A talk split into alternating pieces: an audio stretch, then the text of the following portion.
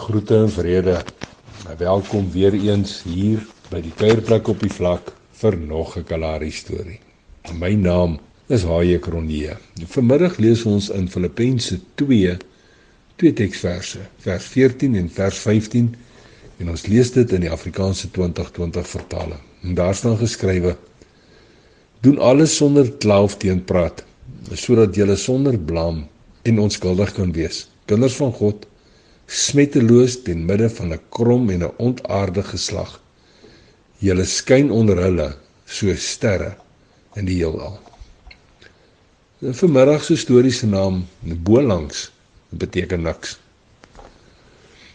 As my bankrekening maar net soos huiswerk wil groei, kon ek en my eg al blou jare gelede met lang bene agteroor gaan sit het. Het 'n boervrou eendag so in die verbygang opgemerk. Maar die liewe Vader het ons mos anders gemaak. Hy het ons mos gemaak om te werk. Al is huiswerk nooit lekker nie. Met die woorde wat nog lusteloos in die paaskombuis rondhang, loer ek onderlangs na die mooiste mooi. Opeens wonder ek of sy ook daardie een spesifieke gesprek in die sentrum sal onthou.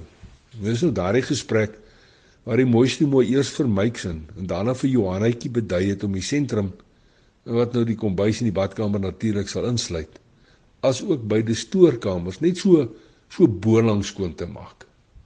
Die mooiste mooi was heel oortuig daardie oggend dat die werkslading veel meer is as die werksure wat beskikbaar was.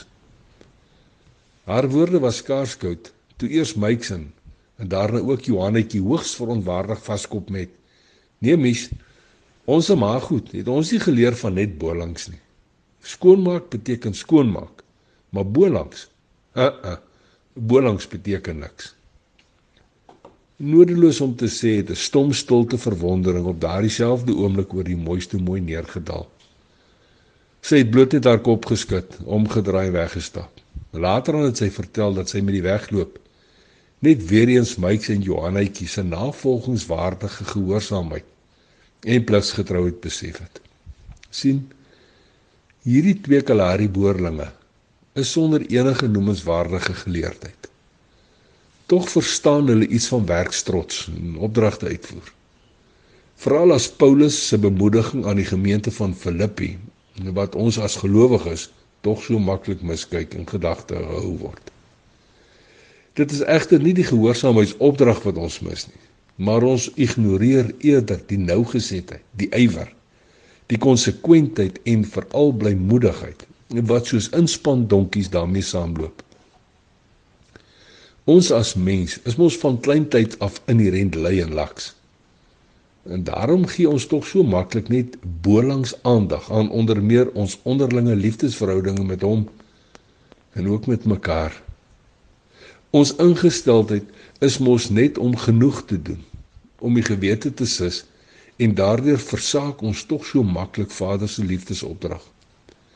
'n Godgegewe liefdesopdrag wat daartoe lei dat ek en jy waarlik sy hande, sy arms, sy skouers, sy ore, sy oë en sy voete in 'n genadeloose wrede wêreld sal wees.